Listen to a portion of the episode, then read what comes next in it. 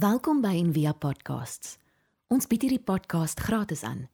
Om 'n bydrae te maak, besoek gerus ons webblad en via.org.za vir meer inligting.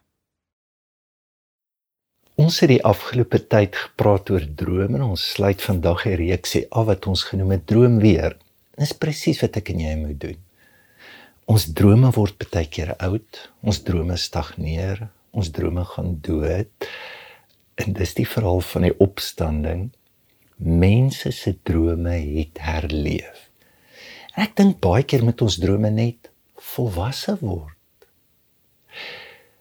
Hulle of hulle die slim mense sê as jy nou besig is om iets te doen, 47% van jou denke gaan weg van dit waarmee jy besig is. Is dalk nie goed nie, maar daar is ook iets verskriklik mooi in dit. Want baie van ons denke is dagdrome.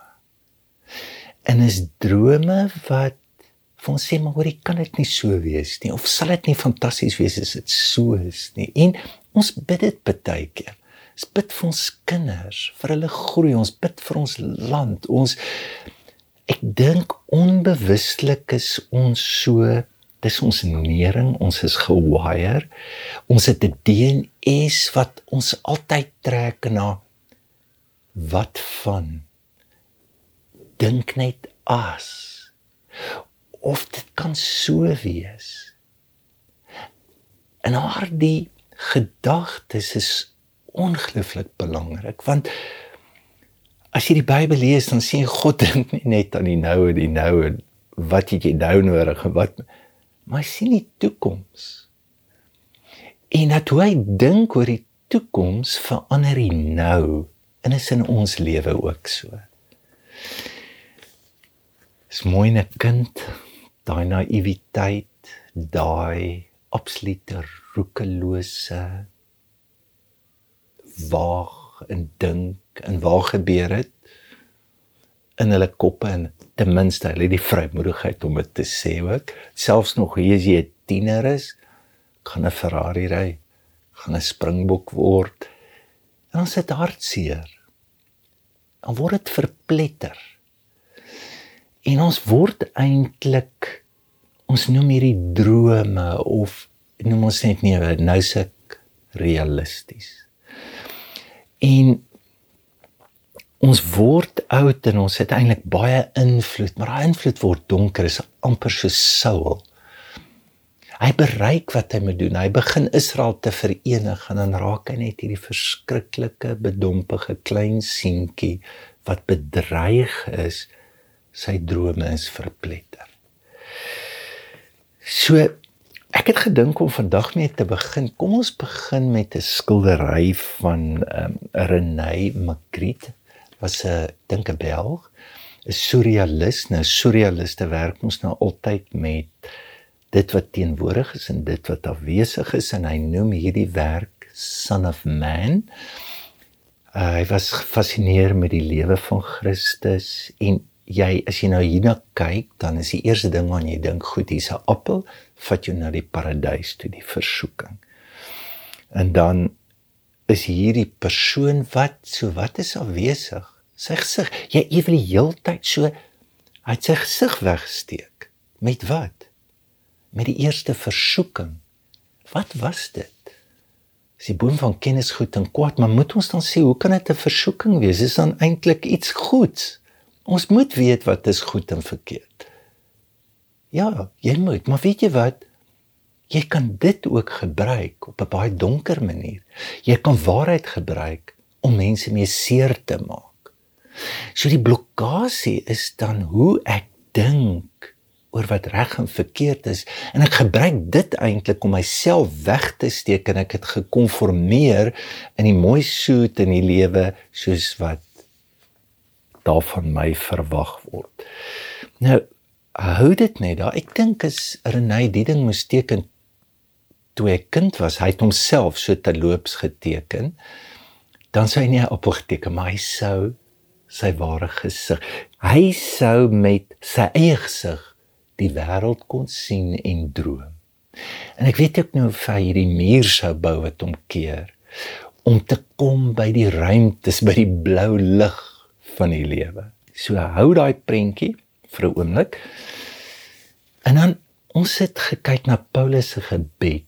Dis 'n uitnodiging na jou innerlike wêreld. Dis 'n uitnodiging. Wat dink jy? Wat bid jy? En wil jy nie uit God se denke, uit God se gebede na jou lewe kyk. So ek wil net 'n paar opmerkings maak, net vinnig in die eerste plek. Ons het nou in hierdie reeks sien jou drome moet groei soos Josef. Begin, maar eindig soos 'n goeie wyn, hy eindig goed. Maar baie goed moes gebeur. Ek dink 'n groot probleem is wanneer ons dink in drome, dan dink ons ons het daai een spesifieke plan van die Here vir ons lewe, soos wat Frida ook genoem het. Onthou ek was op universiteit toe lees ek 'n boek hierdie oud sê die wil van die Here, daar's 'n algemene wil, daar's 'n toelaatbare wil en daar's 'n perfekte wil. Jy moet net die perfekte wil van die Here. Jy moet net daai een ding doen wat die Here wil hê jy moet doen. Ek dink dit is baie gevaarlik om so te dink. Ek dink dit is verskriklik verwarrend om so te doen want dit kan 'n verskoning word om regtig die lewe om jou totaal te mis en ook dit wat God van jou vra. Soos die disippels. Hulle wou net by Jesus wees. Hulle het duiwels uitgedryf, hulle siekes son. Hulle hulle wou net hierdie hulle het seker glo dis al wat hulle moet doen. En Jesus vra vir hulle maar wat van die naaktes? Wat van die honger is? Dan sê maar u moes ons net sê en dan sê nee nee nee. Jy het nie nie gerings gedoen dan doen jy dit ook nie. Maar so Eh, die wil van die Here, die drome van die Here ontvou in die lewe waar ek is en hoe ek lewe. Ek kan nie sê die Here roep my nou vir 'n atleet en hy kan, sê 22s, maar wat gaan jy doen as jy 35 is? Jy kan nie meer hardloop, is daar nou nie meer 'n plan vir die Here vir jou lewe nie. So ons moet sê dit ontwikkel en groei. Terug na die paradys en die appel toe. Die Here sê nie vir Adam en Eva gaan vind nou uit wat jy moet doen in die paradys. Jy mag net dit doen. Ek gaan 'n vrugteboer word of ek gaan net nee, bewerk, bewoon. Dis alles. Maar dit lyk vir my die omgekeerde sê waar dit daar's eintlik net een ding wat jy nie moet doen nie. En dit is in die versoeking. Hoe dink jy oor wat reg is, wat verkeerd is? En ek persoonlik dink altyd dit is die verkeerd wat boos of dis baie keer ons lewe om te kies tussen nie die goed nie maar tussen die beter of baie keer is dit die beste en het ek die vermoë om nou die beste te kan doen want baie keer is ons nog nie reg om dit te kan doen nie. So dis die eerste ding. Die tweede ding in hierdie gebed is verskriklik mooi. As ek nou die die uh, skildery kan gebruik, wil jy nie 'n ontmoeting hê agter jou gesig want dis wat Renay wil doen. Jy dit irriteer jou hierdie appel. Jy moet agter wys my net jou gesig. Die hele ding wat jou druk in hierdie ding. Hy sê mag jy versterk word? In jou innerlike mens jou ware gesig wys dit deur sy krag na die rykdom van sy heerlikheid. Rykdom Die woord beteken skathuis en was gebruik vir 'n farao. Die farao's het hulle begrawe met al hulle skatte binne 'n piramide. Dan jy nou ingekom en gekyk, "Joh, maar hierdie ou was ongelooflik ryk." So God het 'n onbeperkte huis waaruit hy vir jou wil gee. En hy gee dit vir jou vir daardie mens, vir daardie persoon, vir daardie gesig, jou innerlike innerlike mens. Hy sê uit dit gee hy vir jou. Dis loop vir drome vanaand kom. As ons ouer word, is alles buite nê. Ons werk is buite, ons beplan buite. En en baie mense se verstaan is ook so van God. Dis in die Bybel, dis in ons liedjies wat ons sing. Dit is maar tog nooit die vermoë ontwikkel dat as ons ouer word met die teenoorgestelde met binnekant gaan. Dis nie soos hierdie prentjie die konformis wat maar eintlik geword het die pakkie en die suits soos wat almal lyk like en wat almal doen en dis ons ons uitdruk in hierdie lewe. Dis waar drome begin. En baie drome is copycat. Ek het dit daag sien, okay, kom ons gaan leer daar nou doen ons dit ook soos in besighede. Maar dit begin met 'n diep beweging binnekant. En dan die tweede ding wat ek wil noem, dit gaan dan om die insig te kry, want nou bid hy sê ek bid dit julle die hoogte, die breedte, die lengte, die diepte sal verstaan van sy liefde. So drome dimensies. Hy bid nie net oor die ek gaan julle nou help want onthou nou hy skrywe vir die gemeente wat vervolg word. Jy jy wil nie eers Jesus noem want jy jy kan jou kop verloor. So hulle word verdruk, hulle word dit gaan regtig moeilik. Hy sê nie vir hulle hoorie bid net daar gaan 'n nuwe keiser kom, bid vir 'n Christen keiser. Dit dit het niks met uiterlike goed te doen. Dit het te doen moet die verstaan van my innerlike wêreld wat ek nou mee versterk word van wat ek dink en wat ek glo en dat dit groter kan word. Die diepte, die hoogte, die breedte, die lengte van van sy liefde. Ons dink baie keer dat die Here is daar om ons gelukkig te maak. En ons gebruik dit o lewe in 'n oorvloed. Die Here het vir jou lewe in 'n oorvloed. As jy die vraag vra, het ek 'n gelukkige huwelik? Het ek 'n gelukkige familie? Is ek gelukkig in my werk? Dink jy regtig die regte vraag? Want as jy eerlik is, dit is eintlik 'n vraag wat jou baie ongelukkig gaan maak. Want ja, ek is gelukkig in my huwelik, maar kan ek gelukkiger? Ja. Kan ek en wil maar dieper en meer groei? Nee, ja. Dis met alles so. Dis met alles in die lewe so. Dat daar's daar moet diepte kom in alles. Maar as ek vra 'n beter vraag is, het jy betekenis in jou huwelik? Het jy betekenis in jou vriende? Want ongelukkig ons het 'n oorgeïdealiseerde verstaan van geluk. Ehm um, dis verdraai, dit is soos advertensietjies wat ons God net insit. Want ware geluk word eintlik gebore uit betekenis. In gewoonlik is ons definisie van geluk ek moet net die spanning uithaal en ek moet net ehm um, plesier hê. En as God se drome en as jy regtig 'n droom van die Here het, wil ek vir jou sê daar gaan baie spanning wees. Dit gaan nie altyd lekker wees nie.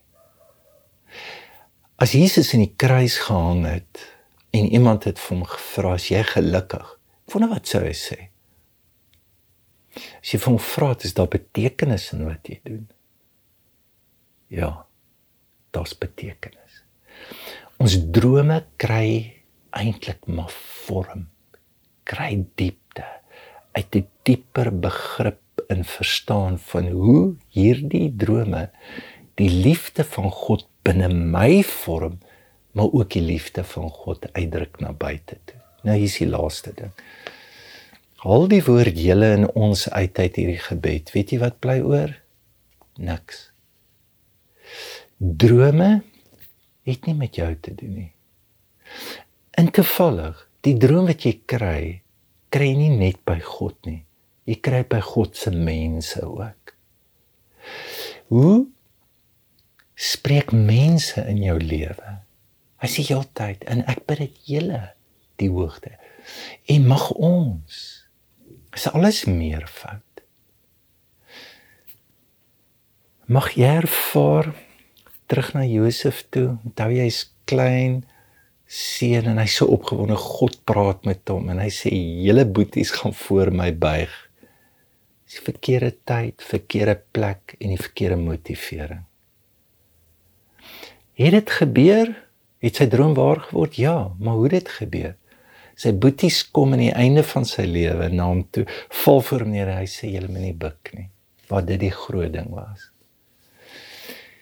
maar die liefde die vergifnis wat hy gee daar's 'n ongelooflike gawe en 'n groot verandering in waar sy drome eindig. Mag dit so wees met jou lewe ook. Mag jy ervaar hoe jy hoe jy beweeg word binnekant daai 47% mag dit met jou hardloop. Mag dit jou wegtrek van waar jy is. Mag jy in die diepste hoop intap en mag daai hoop gevorm word deur hoogtes, breedtes en dieptes en lengtes van 'n liefde wat in jou drome uitgedruk word. Kom ons bid daarvoor. Here, dankie dat ons kan droom. En help ons dat hierdie drome mooi oud, mooi groot kan word. Amen. Baie dankie dat jy ver oggend saam gekuier het met ons. Jy's baie welkom as jy ons wil ondersteun om deur SnapScan iets te gee. En jy kan ook op die web loer. Daar is ook um verskillende maniere hoe jy kan gee. En loer gerus na na wat ons alles doen. Mag hierdie week vir jou mooi wees en mag jy bewus word van al hierdie gedagtes wat jy het en mag God jou binne dit ontmoet. Geniet die dag. Ons hoop van harte jy het hierdie podcast geniet of raadsaam gevind. Besoek gerus en via.ok.za vir meer inligting.